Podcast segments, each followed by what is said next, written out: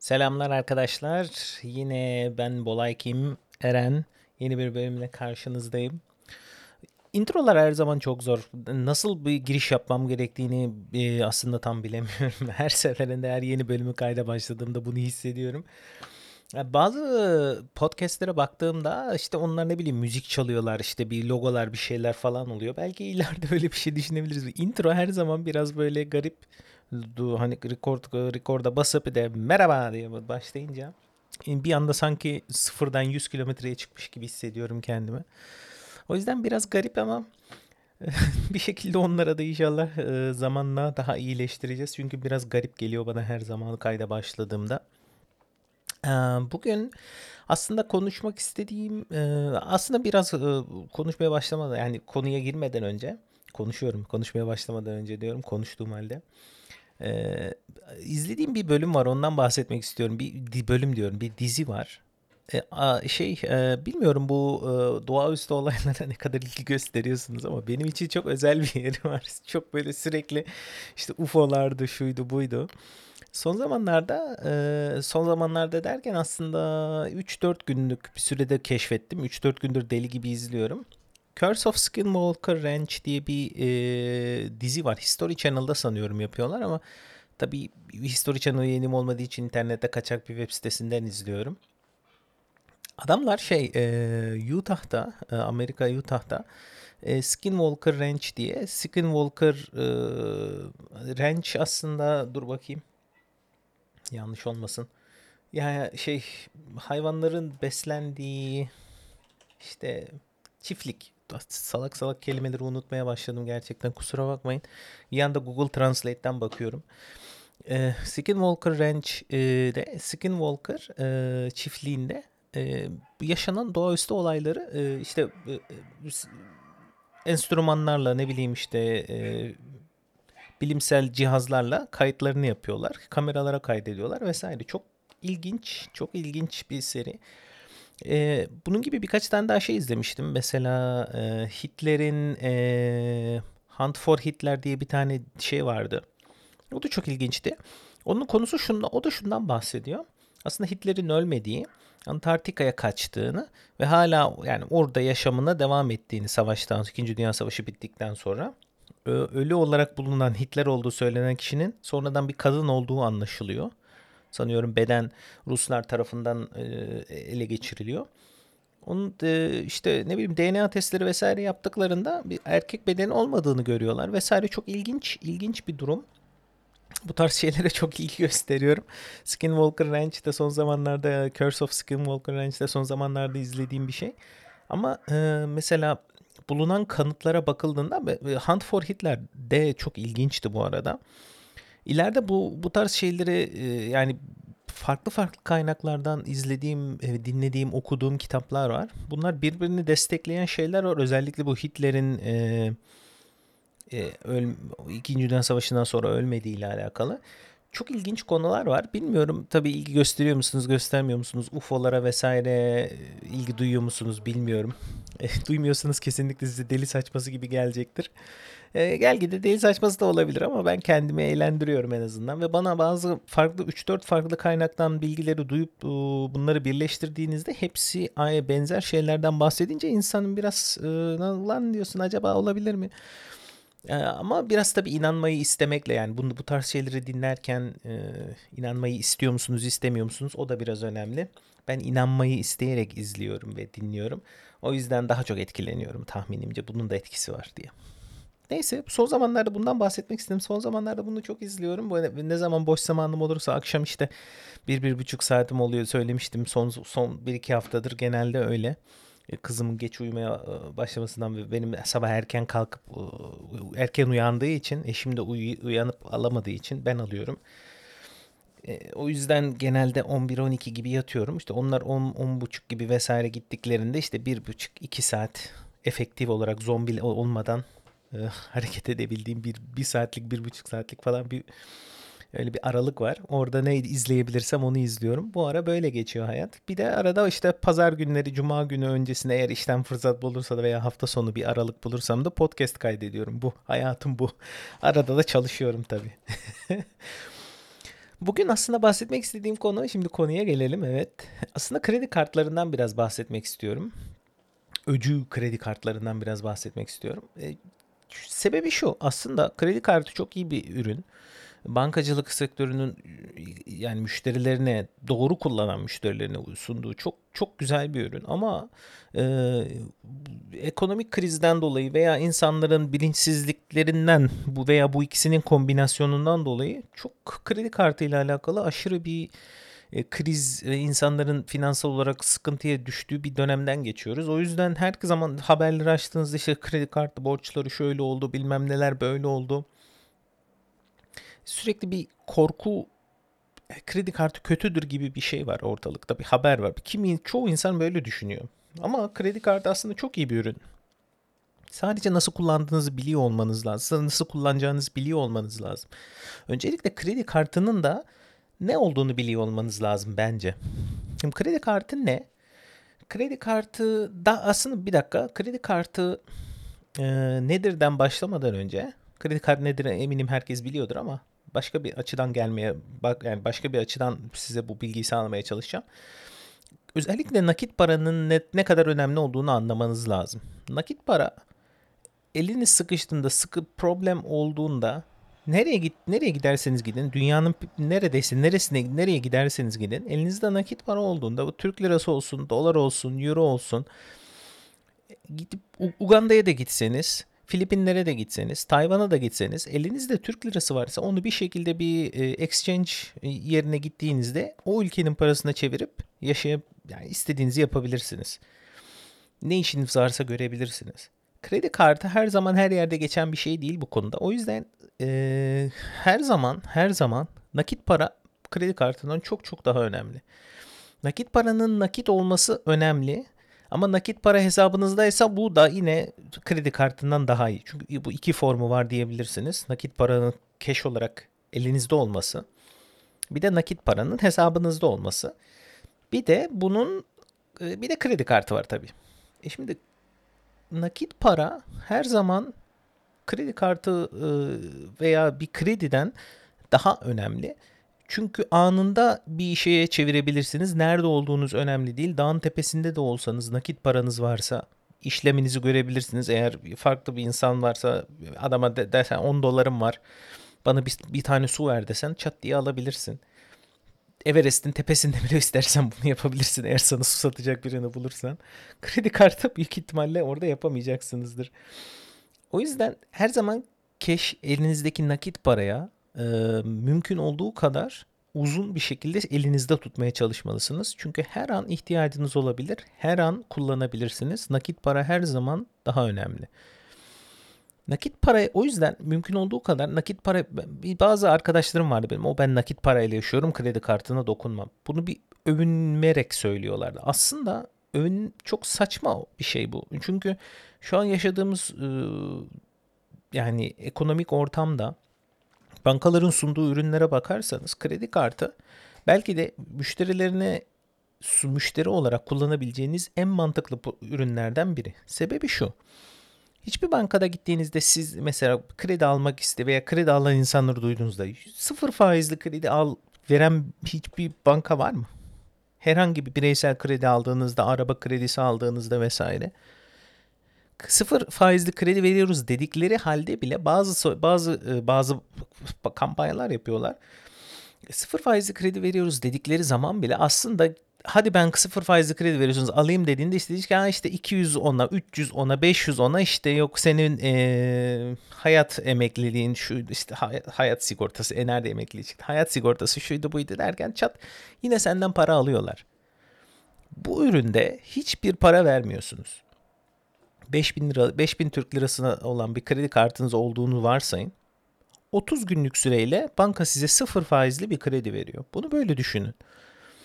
Sıfır faizli krediyi istediğiniz kadar kullanabilirsiniz. Bu limitin içinde, kredi kart limitinizin içinde olduğu kadar. Ay sonu geldiğinde ya o an itibariyle hiçbir şekilde cebinizden para çıkmıyor. Ay sonu geldiğinde, hesap kesim tarihi geldiğinde 10 gün içinde bankaya o, o şeyi e, o harcadığınız kadar tutarı geri ödemeniz gerekiyor.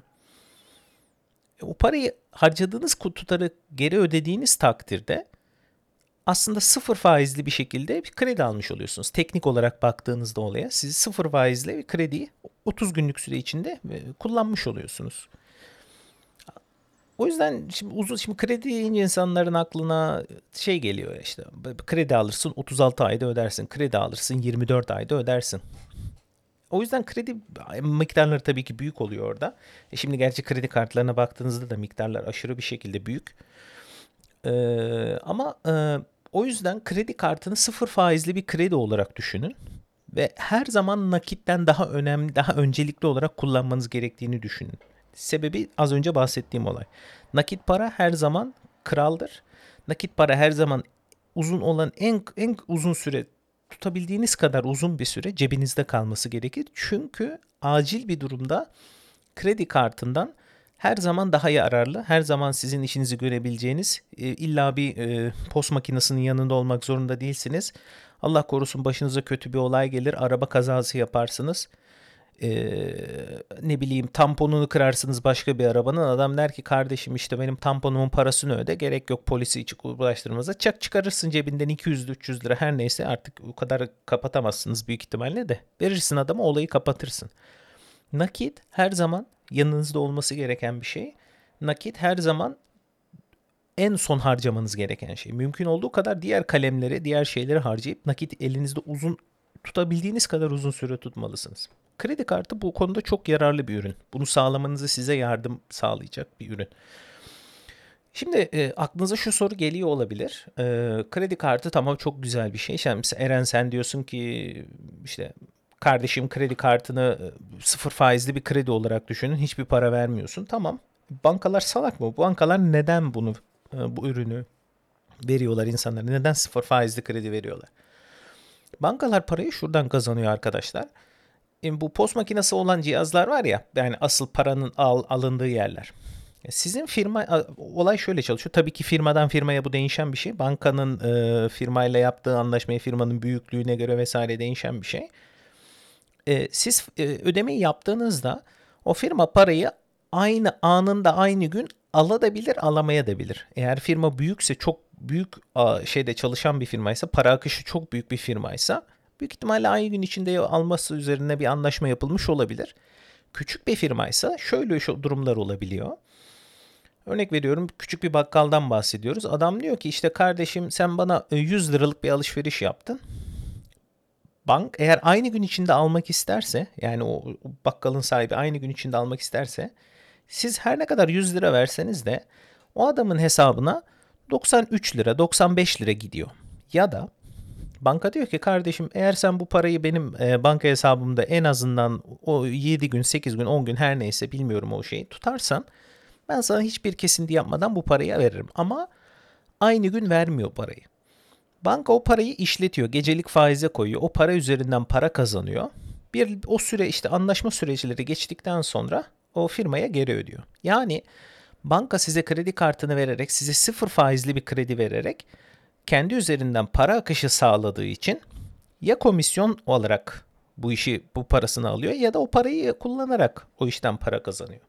Yani banka her şekilde para kazanıyor. Her ne kadar siz sıfır faizli kredi alıyor olsanız dahi. O yüzden çok önemli. E, banka yani bu konsepti anlamanız önemli. E, ne, kimin nereden para kazandığını anlamanız önemli. O yüzden e, bu konuyu bir ufak bir değinmek istedim. E, şimdi önemli bir farklı bir konu da e, kredi kartı kullanmanızın neden önemli olduğuna dair ikinci bir konu da şu. Özellikle genç arkadaşlar için e, üniversitede olan veya üniversiteden yeni mezun olacak arkadaşlar için söylüyorum. Hayatınızı sadece nakit parayla sürdürürseniz e, bankacılık sistemine girdiğinizde e, herhangi bir zamanda belki 3 sene olur 5 sene olur. Yani mesela dediğim arkadaşlar vardı. Eşimin de başına geldi bu arada. Bu konuyu da bahsetmek istiyorum. Ev alırken bir önceki bölümde ev, şu an ev alırken %10'luk kısım için bir kredi eşimin adına kredi çekmek zorunda olduğumuzu söylemiştim hatırlıyorsanız. Eşim de büyük bir problem yaşadı krediyi çekerken. Sebebi şu para kazanmıyor veya kötü olmasından dolayı değil durumunun kötü olmasından dolayı değil. Eşim hayatını nakit para üzerinden yaşayan bir insandı. Az önce size dediğim gibi.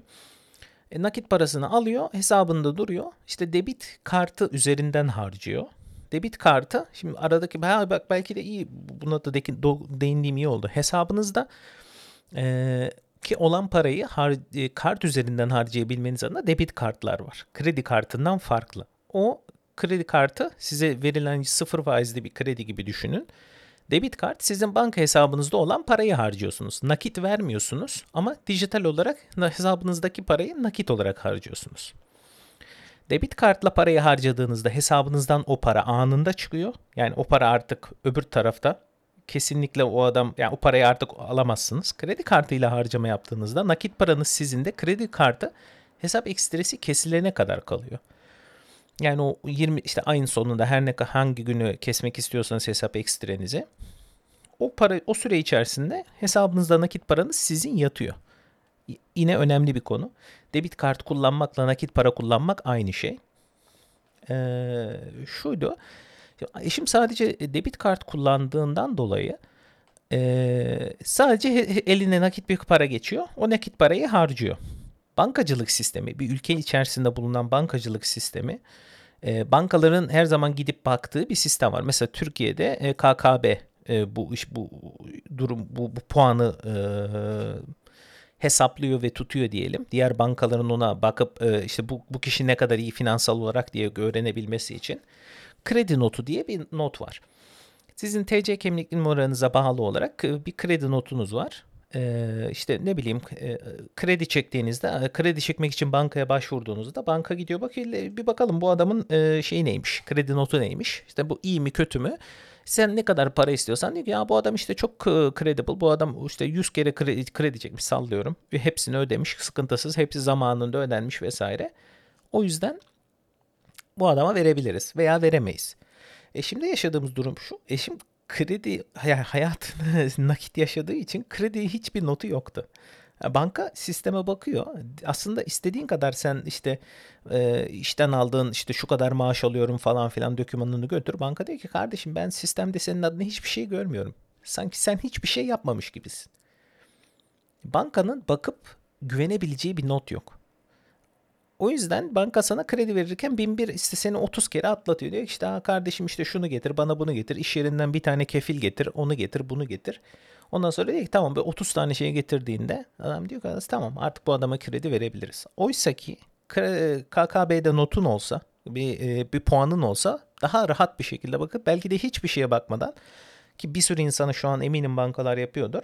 SMS geliyor 100 bin işte 30 bin liralık krediniz hazır biz banka şubemize gelmeniz, dokümanları imzalamanız yeterli. Tak hesabında. Belki şimdi onları bile şey yapmışlardır. İşte sadece e, evete bas hesabında 30 bin lira var.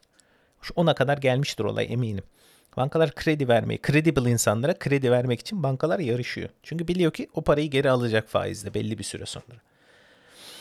Ee, o yüzden e, kendinizi nasıl bu bankacılık sistemine zarar görmeden sokabilirsiniz? Nasıl bu KKB'deki notunuzu yüksek tutabilirsiniz. Ve bununla e, bunlar önemli. Bunu biliyor olmanız lazım genç yaştan ki ileride ihtiyacınız olduğunda sizi e, hazır bir şekilde bekleyen bir e, o iyi oranda bekleyen bir kredi notunuz olsun. Bunu nasıl yapabilirsiniz?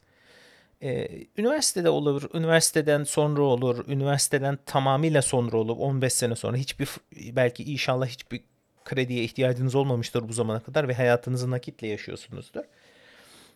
E, çok küçük miktarda bir kredi kartı almanızı öneriyorum size.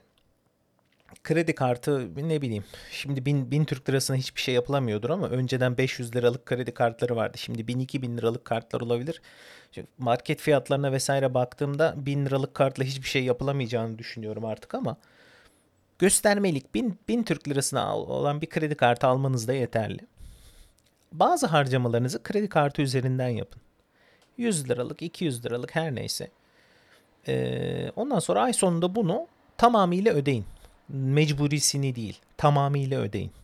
Göstermelik bir şey yapıyor olmanız bile e, yeterli. Bu şunu e, sağlayacak. Banka sizin adınıza bir kredi kredi kartı verdiğini raporlamak zorunda ve sizin kredi kartı ödemelerinizde gecikme olup olmadığını tam bu sistemin nasıl olduğunu bilmiyorum. Yanlış e, olmasın.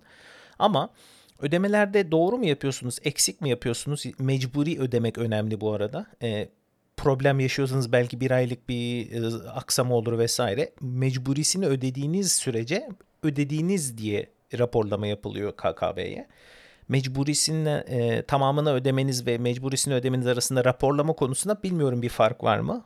Olmayabilir, olabilir. Uzman değilim bu konuda. Ama minimum mecburisini ödediğinizde bildiğim kadarıyla pozitif bir, bir veri akışı KKB'ye gerçekleşiyor. E, bunu e, yani tabii ki kesinlikle minimumu ödemeyin. E, bunu kesinlikle kesinlikle şey yapmıyorum. Minimum ödeyici eğer e, kredi kartını ödeme, ödeyemeyecek e, durumdaysanız o pa, har, parayı harcamamanız lazım. Onlara da değineceğim biraz sonra. Ama e, yapmanız gereken yani size tavsiye ettiğim ufak bir kredi kartı alın. Ufak harcamaları kredi kartından yapın ve e, ödemelerinizi de her ay sonunda tam olarak gerçekleştirin.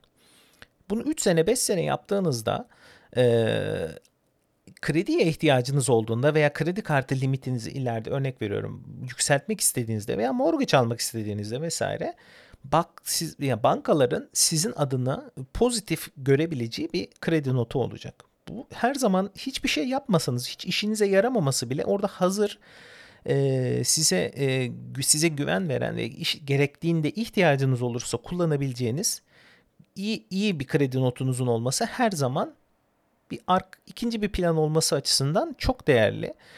O yüzden bunu kesinlikle yapmanızı öneririm. Özellikle yeni başlayan üniversitede okuyan ve üniversiteden yeni mezun olan arkadaşlara söylüyorum. Ee, kesinlikle kredi kartlarınızdan, kredi kartından korkmayın. Kredi kartı kullanıldığı, doğru kullanıldığında bankacılığın önerdiği, bankacılığın aslında çıkardı belki müşterilere en e, müşteri yanlısı, en müşteriye faydası olan ürünlerden biri diyebilirim. Ondan sonra ikinci konu da şu. E, şimdi özellikle bu, bu bank e, kredi kartının faydalarına biraz değinmiş olduk. Sıfır yüzde sıfır oranda kredi aldığınız e, ve kredi notunuzu yükselttiğinizi e, bu, bu ikisi çok önemli.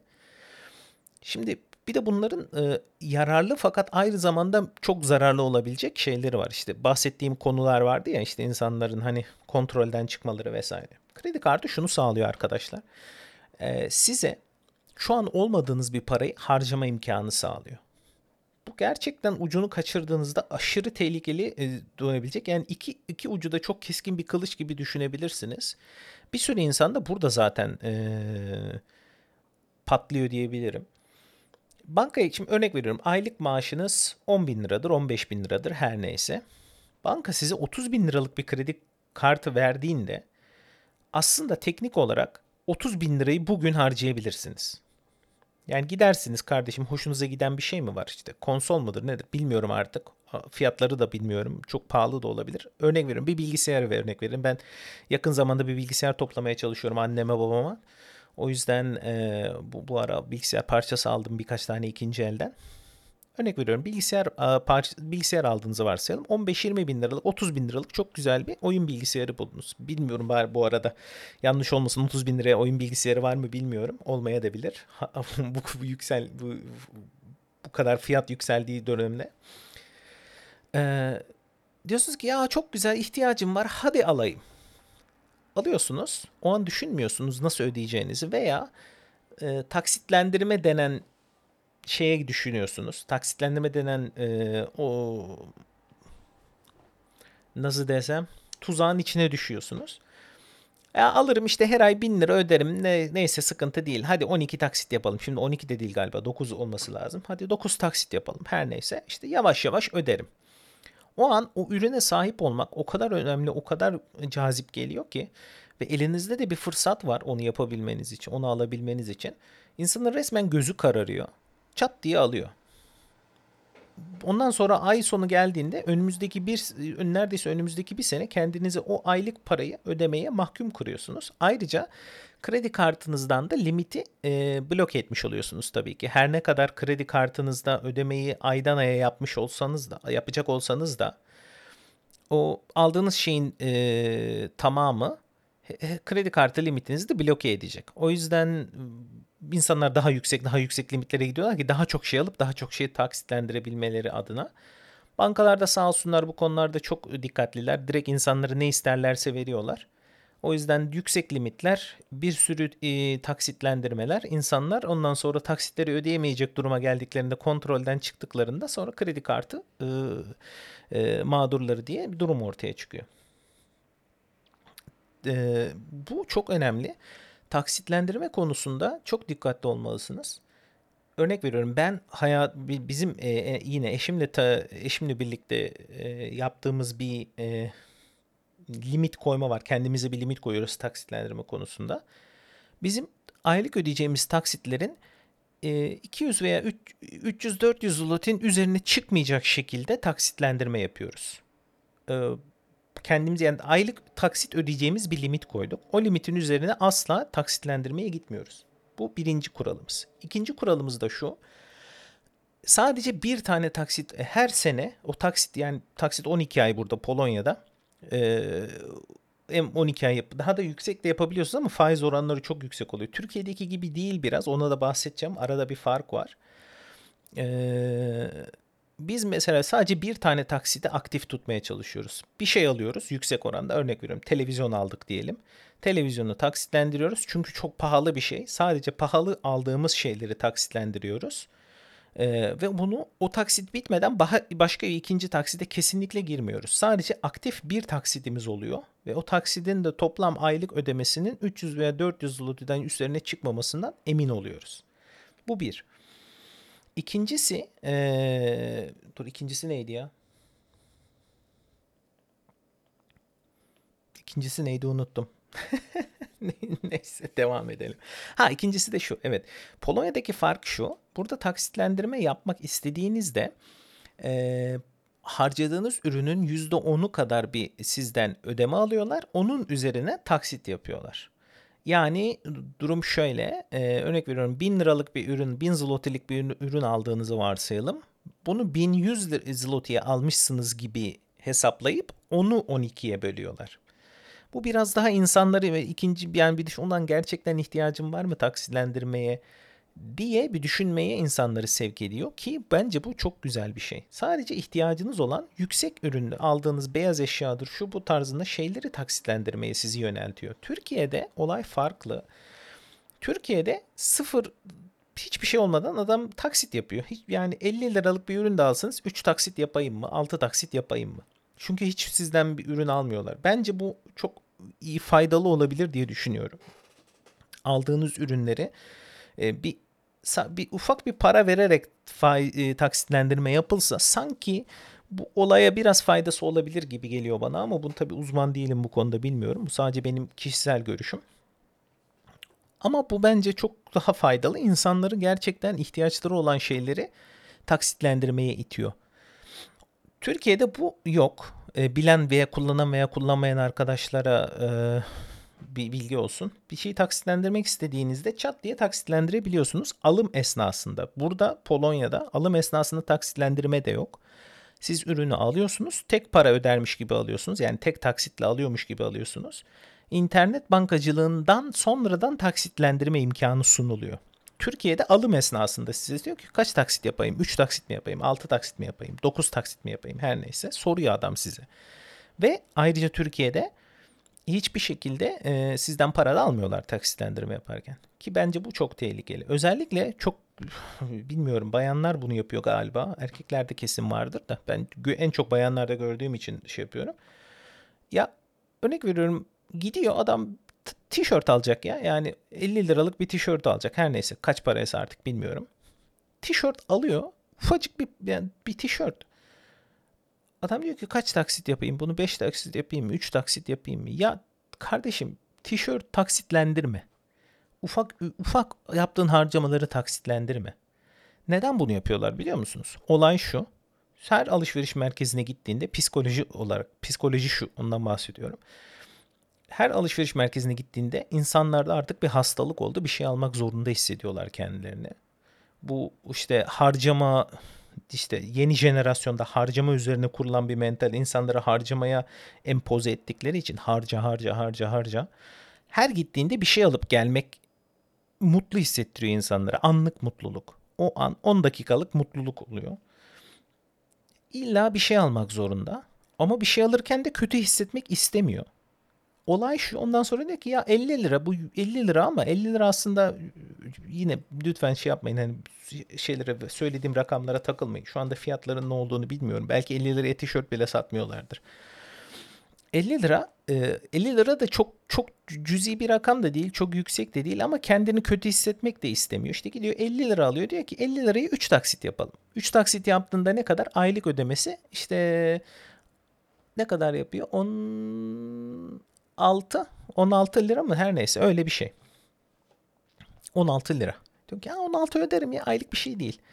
Ama bunu ne yapıyor biliyor musunuz? Her o alışveriş merkezine girdiğinde yapıyor. O 3 aylık 16 liralar birikiyor, birikiyor, birikiyor. Bu adamın 20 bin liralık limiti var. Aylık ödeyeceği şeyler taksitlendirmelerle doluyor. Bir bakıyor bir, bir iki hafta sonra 20 bin liralık limitte hiçbir şey kalmamış. Aa ne oldu benim benim kredi kartıma? Taksitlendirme yap, taksitlendirme yap.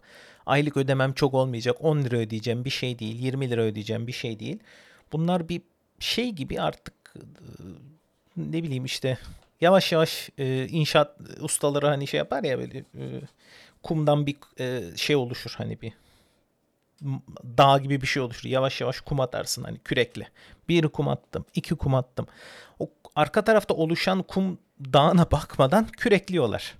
Kürek. At babam at. 15 lira, 20 lira. Ondan sonra kredi kartı ekstresi ay sonunda geldiğinde diyor ki ya ben ne oldu anlamadım. 20 bin lirayı harcamışız geçen haftaki bahsettiğim konuya geliyoruz yine.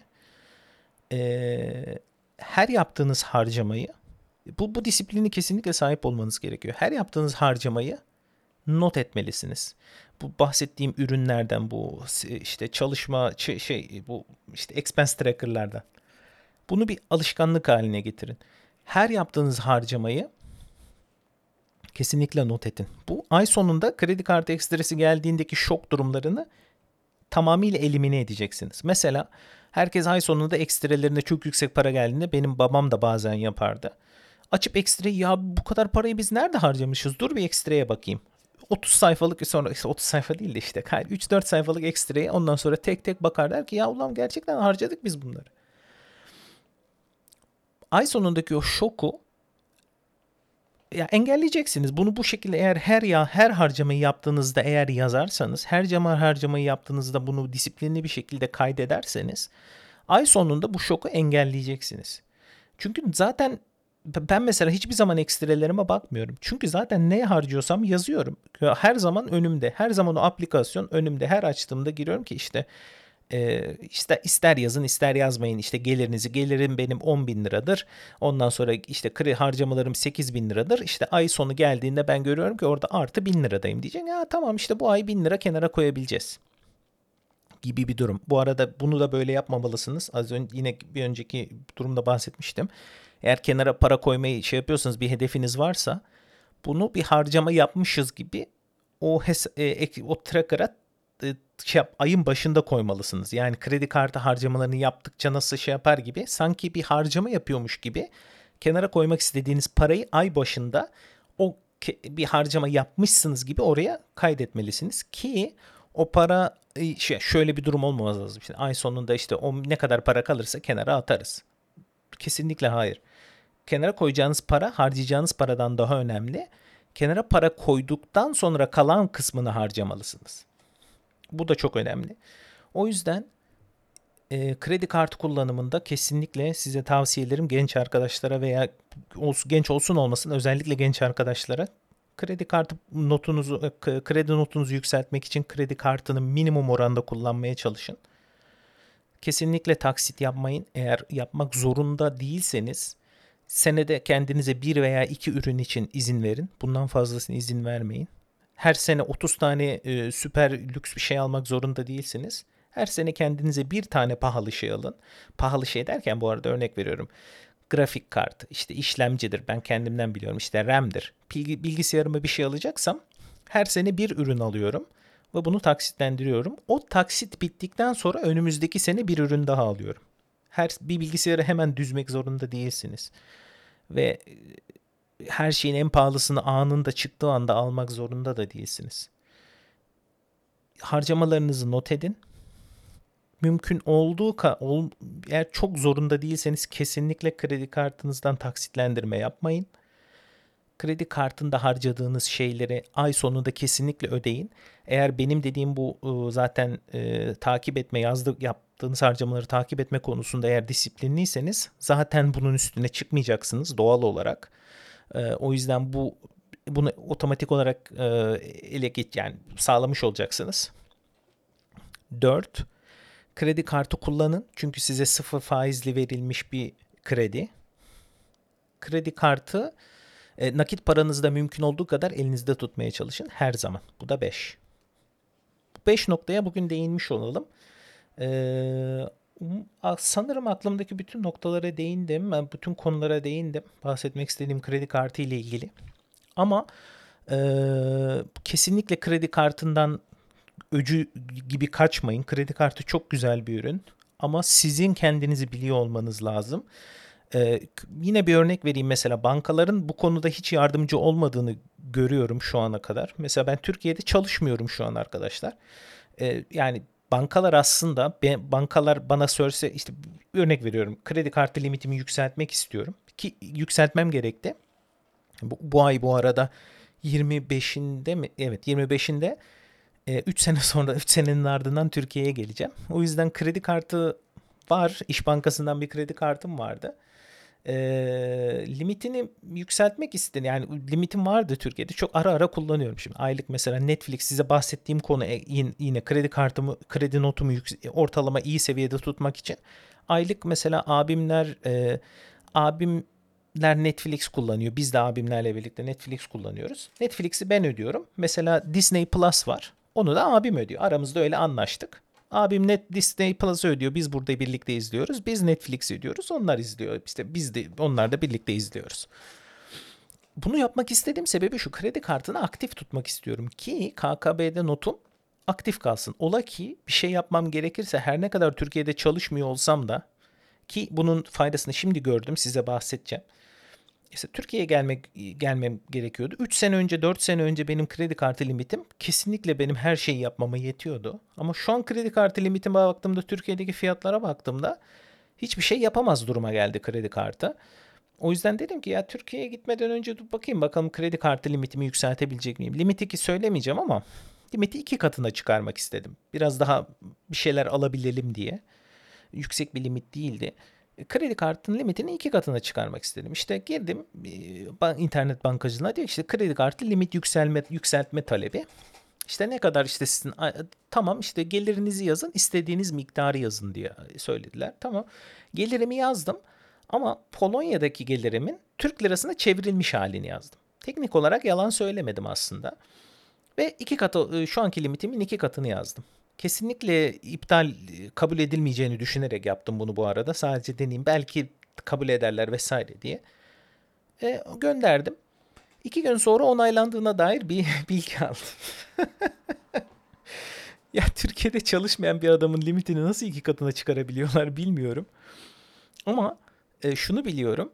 E, kredi kartımı kullanıp geri ödediğim için bankanın e, bakıp işte KKB'de benim notuma bakıp diyebilecek ha bu adam işte harcıyor diyor harcıyor diyor. İyi ya işte verelim gitsin önemli değil.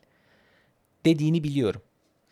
Banka çünkü benim gelir belgeme vesaire sorsalar ben buradan gelir belgemi göndermek zorunda kalacağım ve bilmiyorum Türkiye'de buradaki firmanın gelir belgesinin hiçbir kabulü vesaire var mı bilmiyorum ki olmaması lazım normal şartlar altında.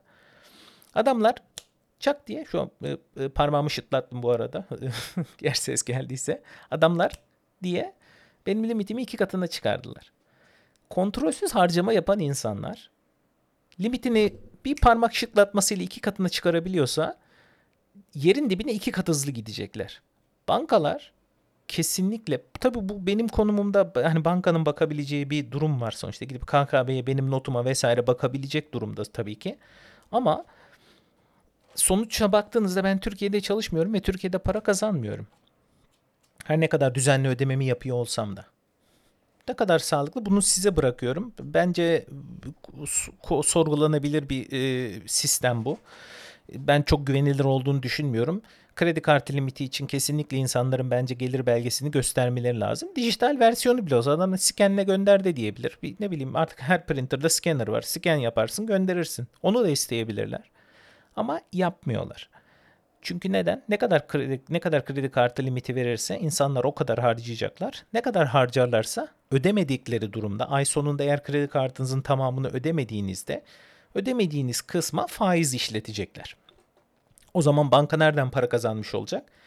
E, komisyondan para kazanmış olacak. E, sizin harcamayı yaptığınız firmadan. O ya da o firma işte parayı geç verecek. O arada o parayı işletecek.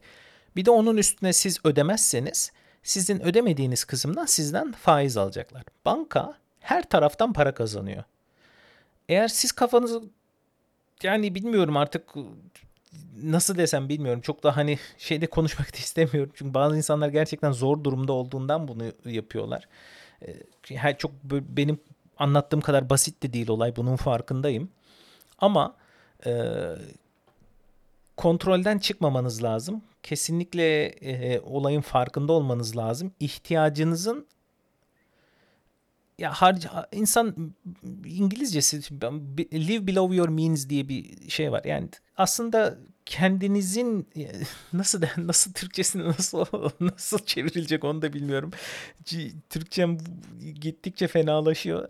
Ya kendinizin aslında yani limitinizin altında yaşayın. Yani hard, o anlama geliyor herhalde. Live below your means. E, yani o anlamda.